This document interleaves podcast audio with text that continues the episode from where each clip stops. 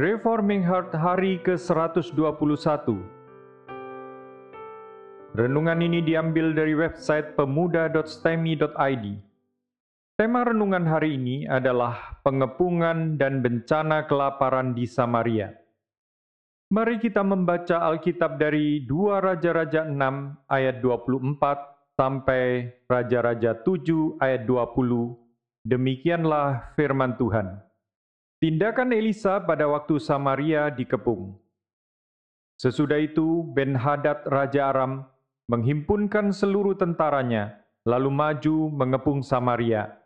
Maka terjadilah kelaparan hebat di Samaria selama mereka mengepungnya, sehingga sebuah kepala keledai berharga 80 sikal perak dan seperempat kap tai merpati berharga lima sikal perak Suatu kali ketika Raja Israel berjalan di atas tembok, datanglah seorang perempuan mengadukan halnya kepada Raja sambil berseru, Tolonglah ya Tuanku Raja. Jawabnya, Jika Tuhan tidak menolong engkau, dengan apakah aku dapat menolong engkau? Dengan hasil pengirikan atau hasil pemerasan anggur? Kemudian bertanyalah Raja kepadanya, Ada apa?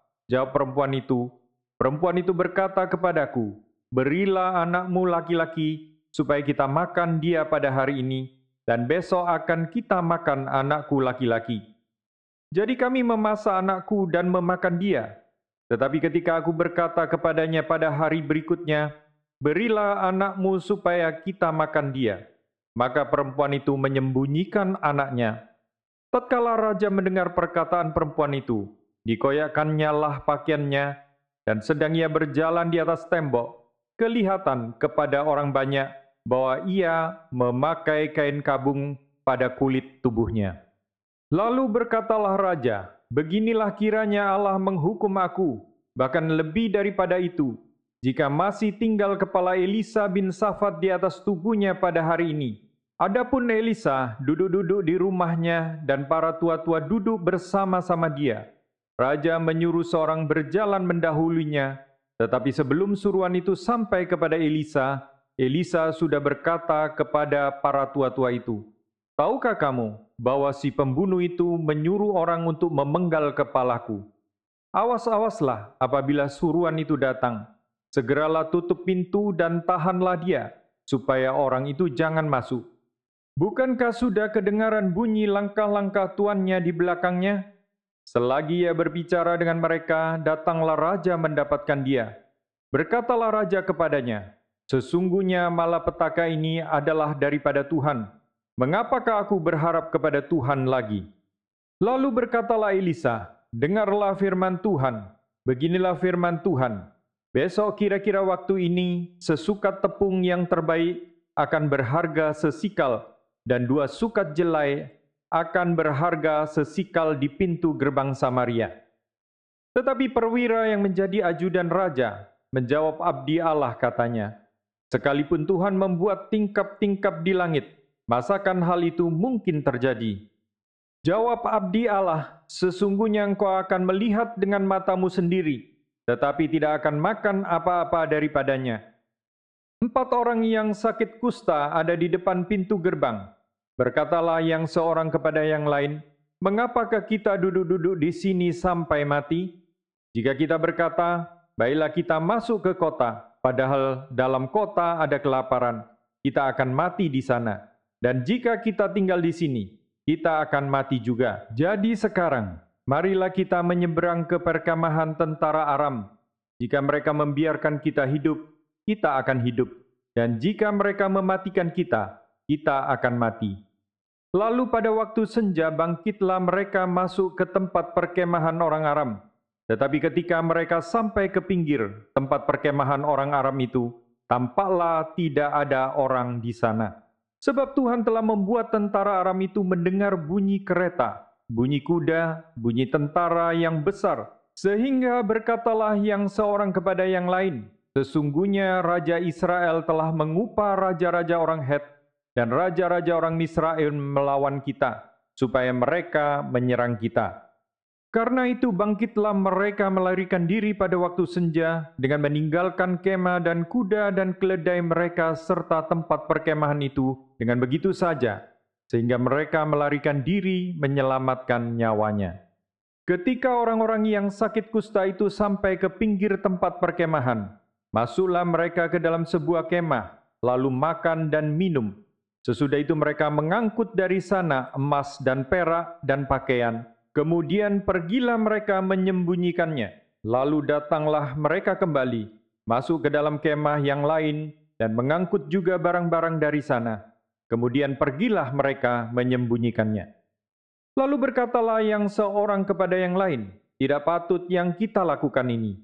Hari ini ialah hari kabar baik, tetapi kita ini tinggal diam saja. Apabila kita menanti sampai terang pagi, maka hukuman akan menimpa kita jadi sekarang marilah kita pergi menghadap untuk memberitahukan hal itu ke istana raja. Mereka pergi, lalu berseru kepada penunggu pintu gerbang kota dan menceritakan kepada orang-orang itu katanya, kami sudah masuk ke tempat perkemahan orang Aram, dan ternyata tak ada orang di sana, dan tak ada suara manusia kedengaran. Hanya ada kuda dan keledai tertambat, dan kemah-kemah ditinggalkan dengan begitu saja.' Para penunggu pintu gerbang menyerukan dan memberitahukan hal itu ke istana raja. Sekalipun masih malam, raja bangun juga, lalu berkata kepada para pegawainya, Baiklah, kau terangkan kepadamu apa maksud orang Aram itu terhadap kita. Mereka tahu bahwa kita ini menderita kelaparan. Sebab itu mereka keluar dari tempat perkemahan untuk menyembunyikan diri di padang. Sambil berpikir, apabila orang Israel keluar dari dalam kota, kita akan menangkap mereka hidup-hidup, kemudian kita masuk ke dalam kota. Lalu salah seorang pegawai menjawab, Baiklah kita ambil lima ekor dari kuda yang masih tinggal di dalam kota ini. Tentulah keadaannya seperti seluruh halayak ramai Israel yang sudah habis mati itu. Biarlah kita suruh saja orang pergi supaya kita lihat. Sesudah itu mereka mengambil dua kereta kuda Kemudian raja menyuruh mereka menyusul tentara Aram sambil berkata, "Pergilah melihatnya." Lalu pergilah mereka menyusul orang-orang itu sampai ke sungai Yordan. Dan tampaklah seluruh jalan itu penuh dengan pakaian dan perkakas yang dilemparkan oleh orang Aram pada waktu mereka lari terburu-buru. Kemudian pulanglah suruhan-suruhan itu dan menceritakan hal itu kepada raja. Maka keluarlah penduduk kota itu menjara tempat perkemahan orang Aram karena itu sesukat tepung terbaik berharga sesikal dan dua sukat jelai berharga sesikal sesuai dengan firman Tuhan. Adapun raja telah menempatkan perwira yang menjadi ajudannya itu mengawasi pintu gerbang, tetapi rakyat menginjak-injak dia di pintu gerbang, lalu ia mati sesuai dengan perkataan abdi Allah yang mengatakan pada waktu raja datang mendapatkan dia. Dan terjadi juga seperti yang dikatakan abdi Allah itu kepada raja. Dua sukat jelai akan berharga sesikal dan sesukat tepung yang terbaik akan berharga sesikal. Besok kira-kira waktu ini di pintu gerbang Samaria. Pada waktu itu si perwira menjawab abdi Allah itu, sekalipun Tuhan membuat tingkap-tingkap di langit, masakan hal itu mungkin terjadi. Tetapi Elisa berkata, sesungguhnya engkau akan melihatnya dengan matamu sendiri, tetapi tidak akan makan apa-apa daripadanya. Demikianlah terjadi kepada orang itu. Rakyat menginjak-injak dia di pintu gerbang, lalu matilah ia.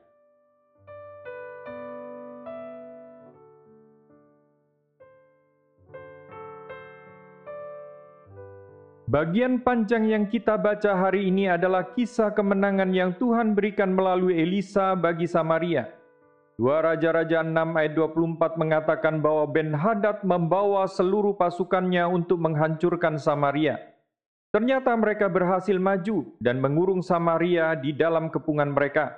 Peperangan yang paling berat pada zaman Elisa adalah peperangan untuk menaklukkan kota-kota benteng.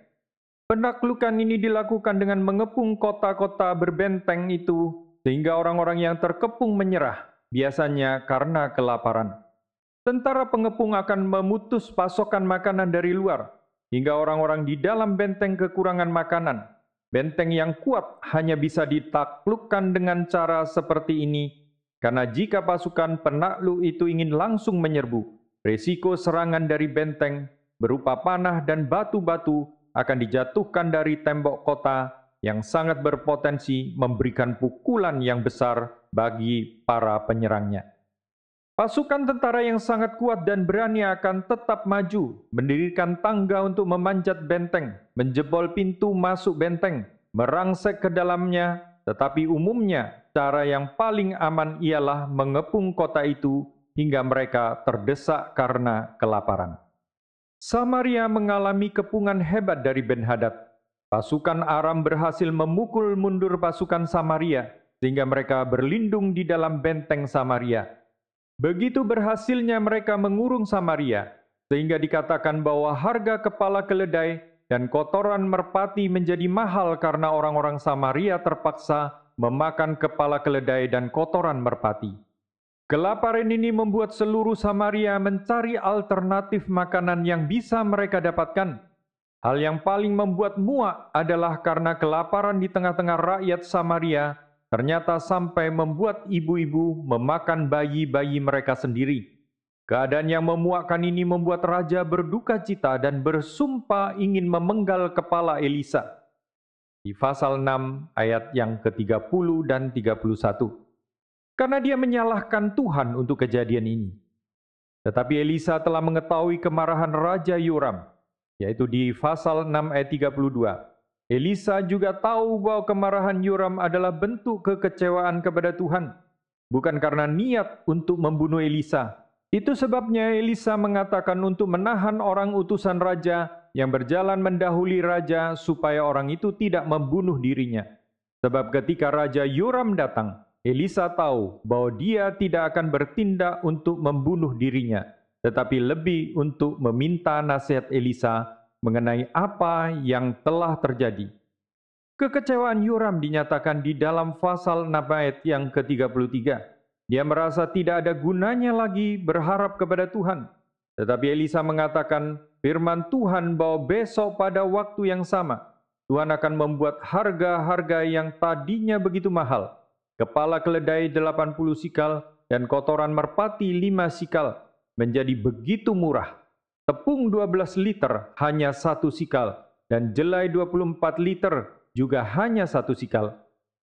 Perwira ajudan Raja Yoram menghina perkataan itu dengan mengatakan bahwa hal itu mustahil sekalipun Tuhan membuka tingkap-tingkap di langit. Di pasal 7 ayat 2, inilah penghinaan yang sangat besar. Apakah Tuhan tidak sanggup menolong?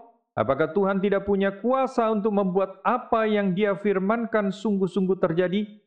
Tetapi kalau kita merenungkan baik-baik di dalam keadaan kelaparan yang begitu hebat, sehingga ibu-ibu pun memakan bayi-bayi mereka sendiri, apakah masih mungkin terjadi hanya dalam satu hari segala situasi ini akan berbalik?